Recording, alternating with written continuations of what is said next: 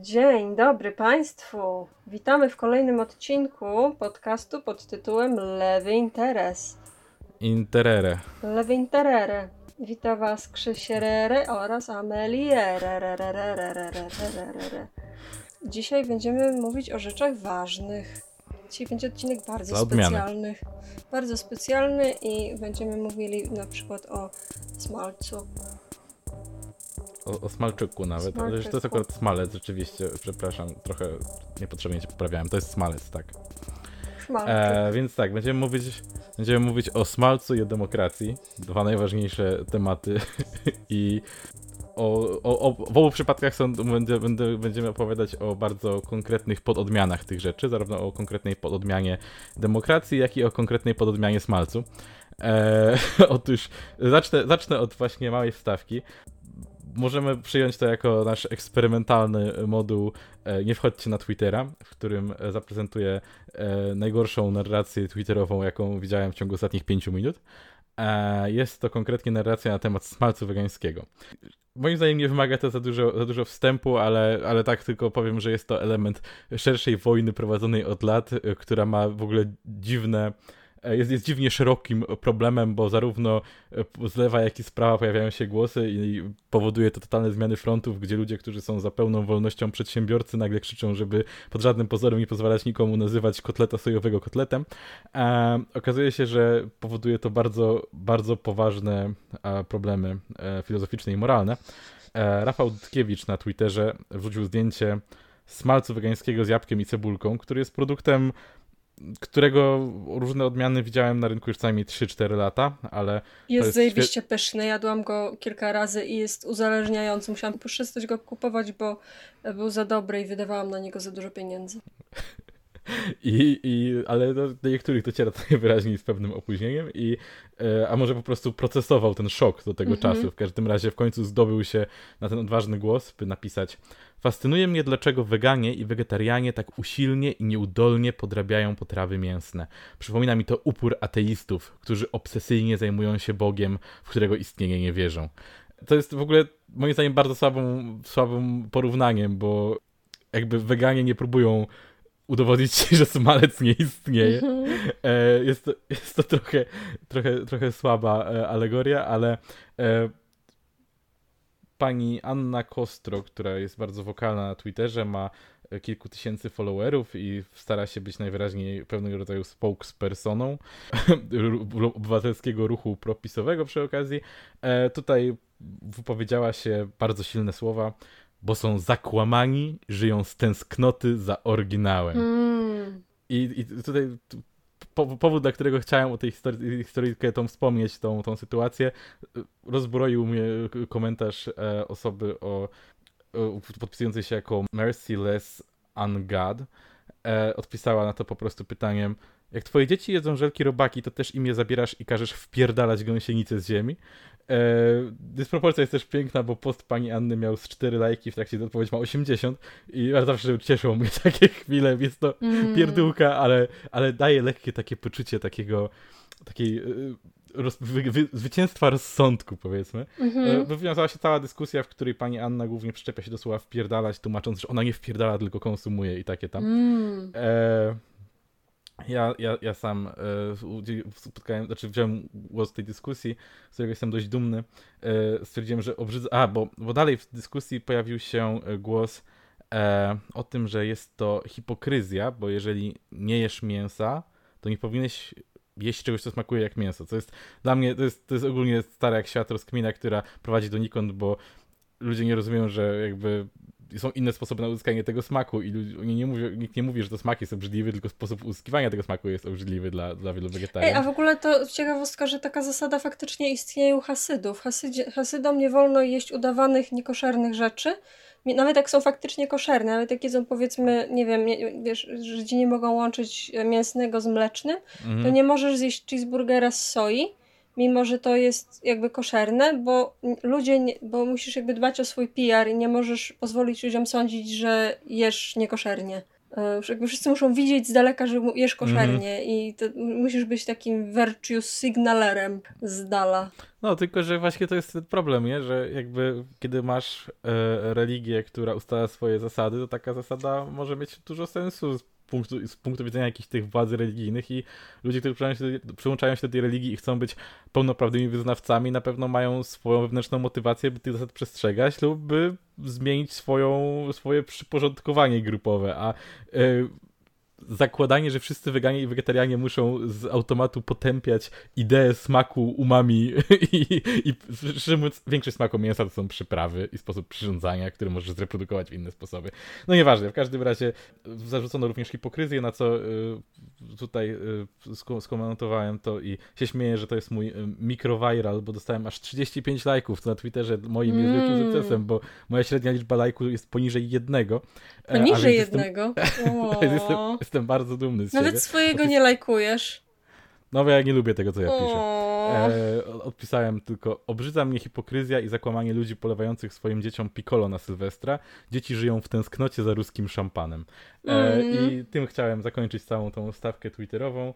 E, nie wchodźcie na Twittera. Liczę, że będziemy w stanie zastąpić wam wchodzenie na Twittera już na zawsze. Będziemy wam czytać, co tam się dzieje i dzięki temu e, uchronimy ludzi przed e, samodzielnym zagłębianiem się w Twittera.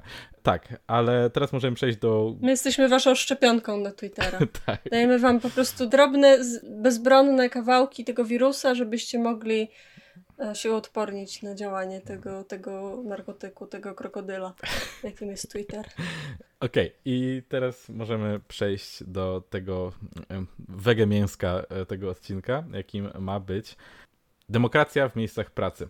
Do, do omówienia tego tematu zainspirował mnie fakt, że stosunkowo często spotykam się z taką e, narracją, jakoby wolność e, przedsiębiorcy była jedynym sposobem uzyskania wolności, a odbieranie wolności przedsiębiorcy jest w jakiś sposób prowadzące do totalitaryzmu, oczywiście komunizmu e, i, i całej reszty e, tego typu sytuacji. I zawsze, zawsze zastanawia mnie fakt, że w tej narracji ludzie zachowują się trochę tak, jakby jedyną osobą, której wolność się należała, e, byli właśnie założyciele firm, pracodawcy tak zwani, a nie, e, a pomija się zupełnie kwestię wolności pracownika, której, którą jakby nie patrzeć się mu odbiera. I tutaj chciałbym troszkę poopowiadać o tym, co się w świecie e, dzieje w związku z wolnością pracowniczą, co się wydarzyło na przestrzeni w sumie ostatnich stu i trochę lat.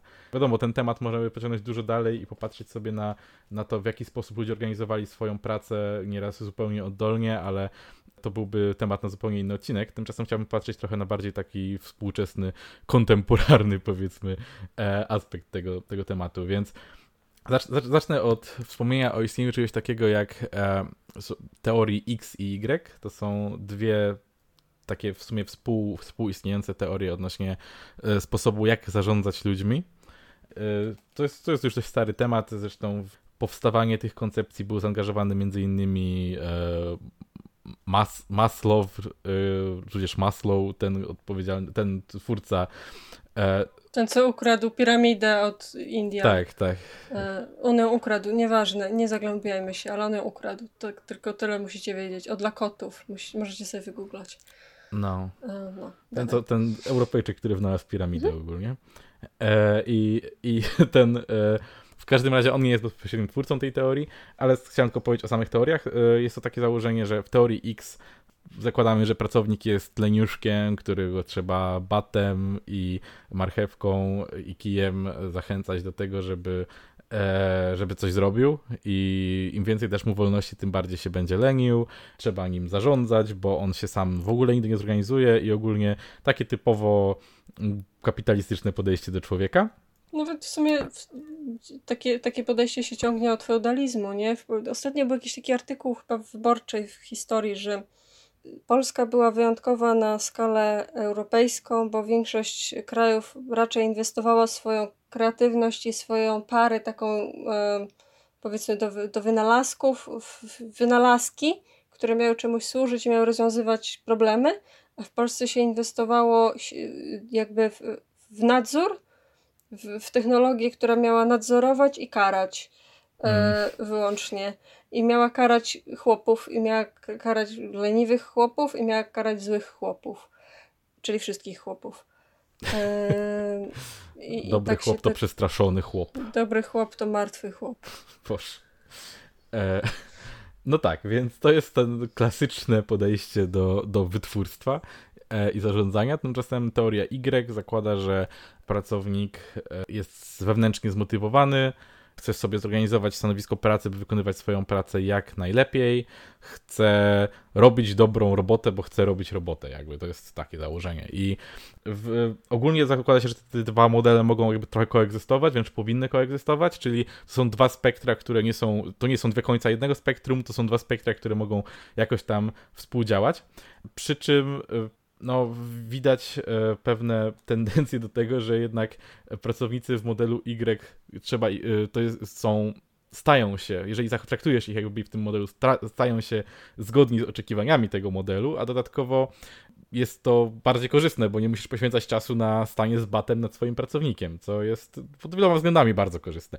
E, I tutaj chciałem przytoczyć przykład firmy Semco, kojarzonej między innymi z produkcji olejów roślinnych w Polsce. Znaczy w Polsce jest tego kojarzona, nie produkują tego w Polsce.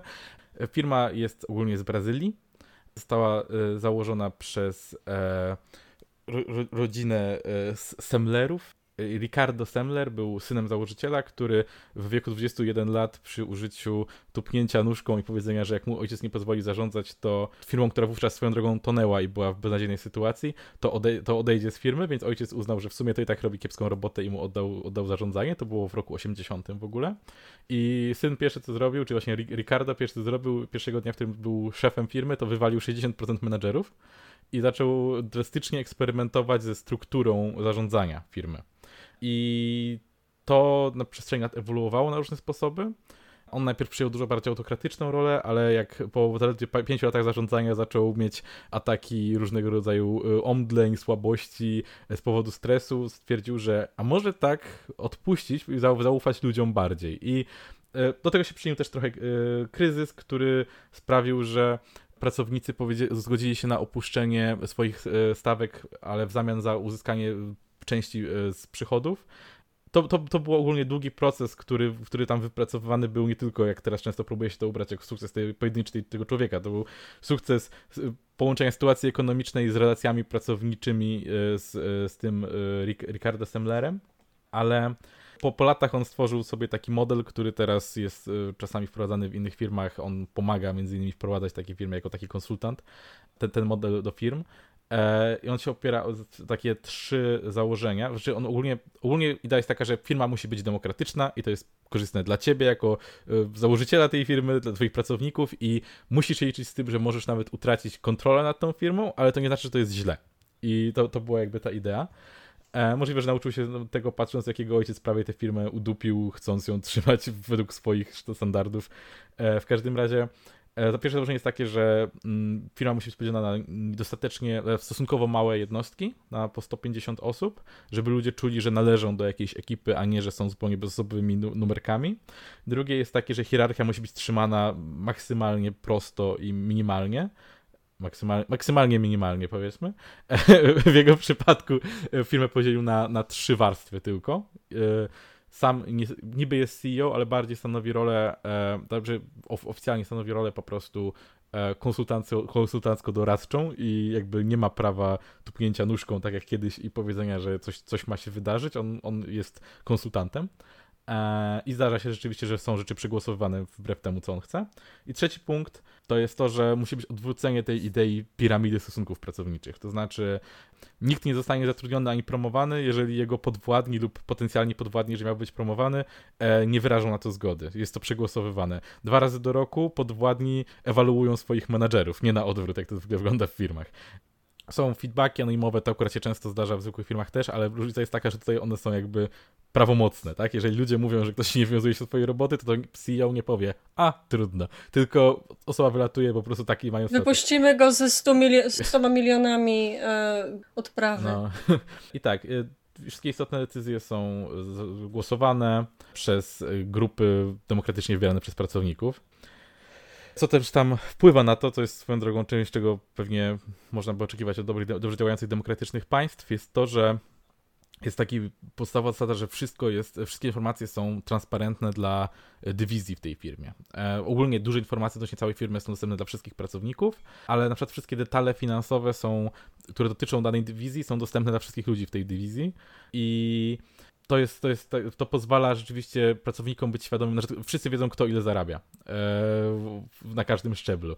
Wszyscy wiedzą, ile zarobili jako firma, jaki jest ich surplus value, e, ich pensje też są dyskutowane, jakby pracownik ma dużo do powiedzenia w kwestii tego, ile zarabia i ogólnie inni pracownicy. A czy to się tylko dotyczy samej korporacji, która ma tam jakieś holdingi czy coś takiego, czy to sięga aż do ludzi, którzy fizycznie pracują w fabryce i robią rzeczy. Tak, to jest y, między. W każdym razie tak, tak jest to prezentowane, że to dotyczy naprawdę y, całego przekroju firmy. E, jest, jest jeden haczyk mm. w tych firmach, y, którym jest outsourcing części pracy. Otóż no, nie wymagasz tych standardów od firm, od których outsourcujesz część procesu, i to jest zawsze problem, o czym jeszcze zaraz powiem, ale.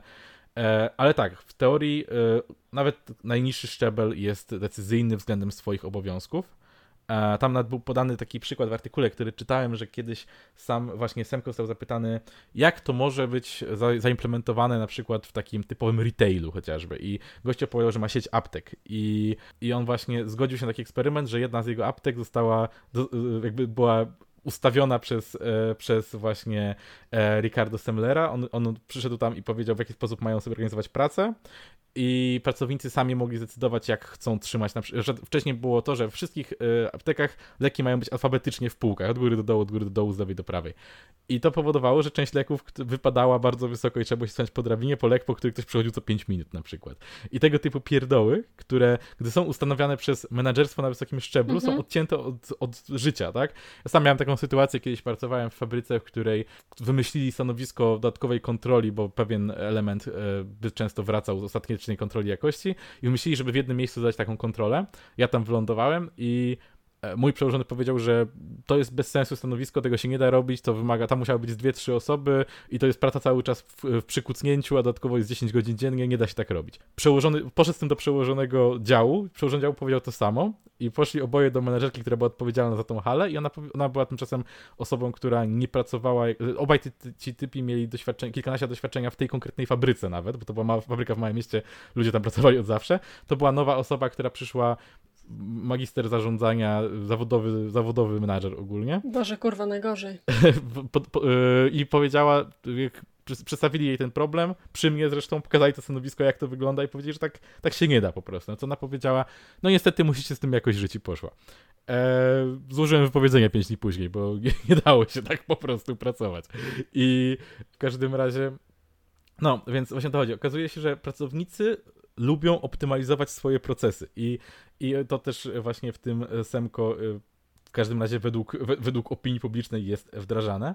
E, dodatkowo też takim fajnym aspektem jest to, że firmy ogólnie lubią mówić o tym, że pracownicy oczywiście, że czerpią benefity z zysków firmy, ale to na ogół prowadzi się do tego, że e, część menadżerów dostaje pakiety akcji na przykład, albo e, wyższy szczebel pracowników dostanie jakieś małe mhm. pensje, które są uzależnione tak naprawdę od ich pensji, a nie od przychodów firmy, a więc w rezultacie te premie się rozkładają i są bardzo małe, nie? I tam działa to tak, że dwa razy do roku 23% po opodatkowaniu dochodu każdej dywizji jest dzielone dla tej dywizji i pracownicy wybierają spośród siebie trzy osoby, które decydują o tym, jak ten, ten podział ma zajść, przy czym w większości przypadków podział jest dzielony zupełnie równo. E, moim zdaniem byłoby fajnie, gdyby był robiony progresywnie zmniejszający się razem ze stanowiskiem, ale oni najwyraźniej decydują o takim equity, pewnie, żeby zachować, żeby pewnie tak się łatwiej to przegłosować im. W każdym razie jest to dość, e, dość ciekawy sposób na, na uzyskanie tego. No i przede wszystkim to działa. Ta firma e, w latach 80. była warta 5 milionów, teraz jest warta 220, zdaje się. Urosła bardzo, ma, została więc podzielona na spółki, które dalej przestrzegają tej filozofii.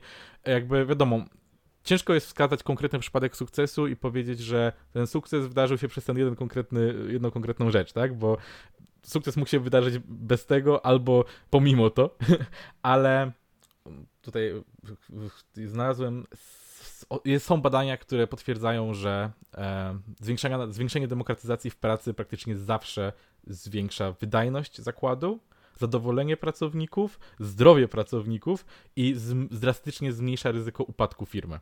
I, I to jest y, według niektórych badań nawet o 50% rzadziej firmy, które są silnie zdemokratyzowane, upadają y, w przestrzeni pierwszych dwóch lat po założeniu niż e, inne firmy, co jest niezłym wynikiem, bo zwłaszcza, że ten procent upadku nowych firm jest bardzo duży, a więc obcięcie tego o połowę to jest drastyczna różnica i ciężko powiedzieć to jakimś zbiegu okoliczności. Podobnym e, przykładem, chociaż e, inną historią, jest e, korporacja Federacji Pracowniczych Ko Kooperatywów, jaką jest Mondragon. To jest hiszpańska z kolei organizacja. Czekaj, czekaj, tylko e... muszę, muszę sprawdzić, czy ona nie jest czasem baskijska. Jak powiesz hiszpańska, A, to wiesz. Kosa pod wszystkie żebra. Przepraszam, więc, więc przepraszam. Jest to baskijska korporacja w pewnym sensie. To jest śmieszne, bo oczywiście nazywają się corporation, ale to jest no właśnie, korporacja kooperatywów tak naprawdę i to bardzo zmienia formę, czym to tak to naprawdę jest. To się chyba nazywa Federacja Spółdzielni Pracy. E, tak mi się wydaje. Ko- że... No tak pewnie by się to przetłumaczyło, bo to jest e, obecnie zatrudnia około 75 tysięcy ludzi, więc sporo. I ogólnie fajnie. E, faktycznie każdy, każdy ten pododdział jest e, zarządzany przez swojego pracowników. E, pracownicy są nazywani pracownikoposiadaczami i przestrzegają takie statementy, które są. Istnieje coś takiego jak International Cooperative Alliance i to jest taka mm, organizacja non-profit, która zrzesza te kooperatywy różnego rodzaju, no i oni rzeczywiście przestrzegają tych statementów, które tam są, które są swoją drogą bardzo ładne. Tam jest o, o, o tym, że każdy, kto jest up to the task i kto będzie mógł mieć realną wartość, musi być y, mile widziany, niezależnie od tam wszystkiego, wiadomo, y, rasa, orientacja, płeć i tak dalej e, ale też dużo takich ekonomicznych, fajnych założeń, typu konieczność y, poczucia odpowiedzialności za lokalną społeczność i za globalną społeczność, i tak dalej, i tak dalej, więc e, znowu idee bardzo fajne, wykonanie też dobre i nawet w kapitalistycznym społeczeństwie jest skuteczne, ale tutaj pojawia się problem, bo właśnie to jest coś, co funkcjonuje w kapitalistycznym społeczeństwie i to to współfunkcjonowanie z innymi oddziałami kapitali działaniami kapitalizmu wciąż e, w pewnym sensie brudzi trochę e, te idee. E, Noam Chomsky sam, sam powiedział w pewnym momencie właśnie, zwrócił uwagę na to, że oni dalej muszą przed właśnie podał koniecznie o Mondragonie, mówił, że oni dalej outsourcują tą nieraz część swoich prac do totalnie nie, nieetycznych zakładów pracy współpracują z firmami, które są szkodliwe dla społeczeństwa i świata i no przed tym się po prostu nie da uciec e, pracując w kapitalizmie.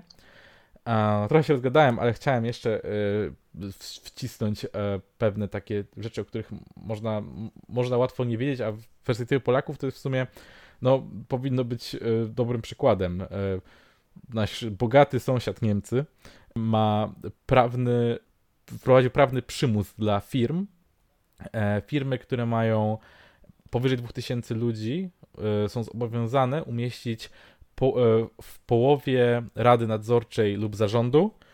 Połowa ludzi musi być demokratycznie wybrana przez pracowników. Dla firm 500 do 2000 osób to jest 1 trzecia, wciąż bardzo dużo, bo to są małe, małe rady. I to rzeczywiście działa swoją drogą. Jakby pamiętam, przez, przez około 8 miesięcy pracowałem e, właśnie w firmie w Berlinie, jako, jako konsultant tam się znajdowałem i akurat jak tam byłem, były wybory i to było bardzo ciekawe, bo normalnie były plakaty wyborcze wewnątrz biurowca, w którym pracownicy przedstawiali swoje postulaty i prowadzili kampanie wyborcze do wewnętrznego jakby samorządu. E, I było czuć, że rzeczywiście jest to dla nich istotne. To była rzecz, która tam no, poruszała tych ludzi. To nie było tak, że to jest tylko jakaś formalność, to wszyscy wiedzą, że nie ma żadnego znaczenia. Ludzi obchodziło to, kto zostanie wybrany. I to był dla mnie bardzo taki ciekawy. Wtedy właśnie pierwszy raz się zetknąłem w ogóle i to było dla mnie bardzo, bardzo ciekawe, że e, coś takiego działa i rzeczywiście ma, ma, ma realne efekty. I w sumie to jest. E, to tyle chciałem opowiedzieć e, z takich faktów, które, które, które sobie zgromadziłem, ale i właśnie tutaj chciałem przejść do tego, tego aspektu, że podejście takie wolnorynkowe, które ciągle jest, jest to paskudne zdanie, które jest moim zdaniem tak zakłamane, które mówi Im wolniejszy rynek, tym wolniejsi ludzie. Jest to jeden z największych, najpaskudniejszych kłamstw, jakie, jakie słyszałem. No, no, wolniejsi, bo wolniej się ruszają, bo są bardziej głodni. I, I, tak, głodni, zmęczeni i muszą dźwigać więcej w kopalni kamienia ogólnie. Mhm. Chodzi, chodzi, chodzi mi właśnie o to, że takie, takie podejście demokratyzujące, właśnie odgórny wymóg demokratyzacji zakładów pracy jest w pewnym sensie gwarantem wolności dla, dla znacznej większości ludzi, bo wbrew temu, co wolnorynkowcy próbują opowiadać, e, w prawdziwym świecie większość ludzi nie będzie przedsiębiorcami, bo nawet jeżeli będą mieli status przedsiębiorcy, w znaczeniu będą pracowali na pieprzone B2B, ci ludzie nie będą dyktowali swoich warunków, ci ludzie będą uwiązani kontraktem, którego nie mogli w żaden sposób zmienić, którego dostali odgórnie, który jest umową o pracę z pozbawieniem ich praw i to są powody, dla których głęboko wierzę, że B2B e, jest, y, powinno być y, zniesione jako forma zatrudnienia, bo, bo po prostu nie... Powinno być not to be to not to be. Dokładnie. I że, wol, I że właśnie wolny rynek e, jest narzędziem, który daje autorytarną władzę nieobieralnym jednostkom, które w efekcie mogą dyktować to, w jaką stronę świat, w jaką stronę kraj się rozwija, jaką stronę świat się rozwija, co się dzieje ze środowiskiem naturalnym, a także co każdy człowiek robi przez co najmniej 8 godzin dziennie swojego życia. Co przez jedną trzecią swojego życia robimy to, co nieobieralny dyktator nam mówi, w sposób, jaki nam mówi, i jednocześnie próbuje nas przekonać, że im bardziej może nas zmusić do tego, co mu się podoba, tym bardziej jesteśmy wolni. Dziękuję. Dziękuję również, Krzysiu. Czy chcesz coś promować? Czy chciałbyś coś promować w tym momencie? Pro, promować jakiś. E, chciałbyś coś... na przykład. Co, co produkują ci Semko? Między... Mówiłeś... Oleje między innymi. Okej, okay, kupujcie olej od Semko. Kupujcie... kupujcie... czekajcie, kupujcie farelki na parafinę od Mondragon Corporation. Nie wiem, czy oni dalej to robią, szczerze mówiąc. Robili to 60 lat temu. To, to elektryczne farelki od Mondragon Corporation. A najlepiej y, rzućcie pracę i o. załóżcie własne kooperatywy. Tak. Ja tak kiedyś zrobię. No to dziękujemy Państwu i y, dziękujemy za ten odcinek i widzimy się y, w następnej fazie wojny domowej, globalnej. Na razie. Pa, pa. pa.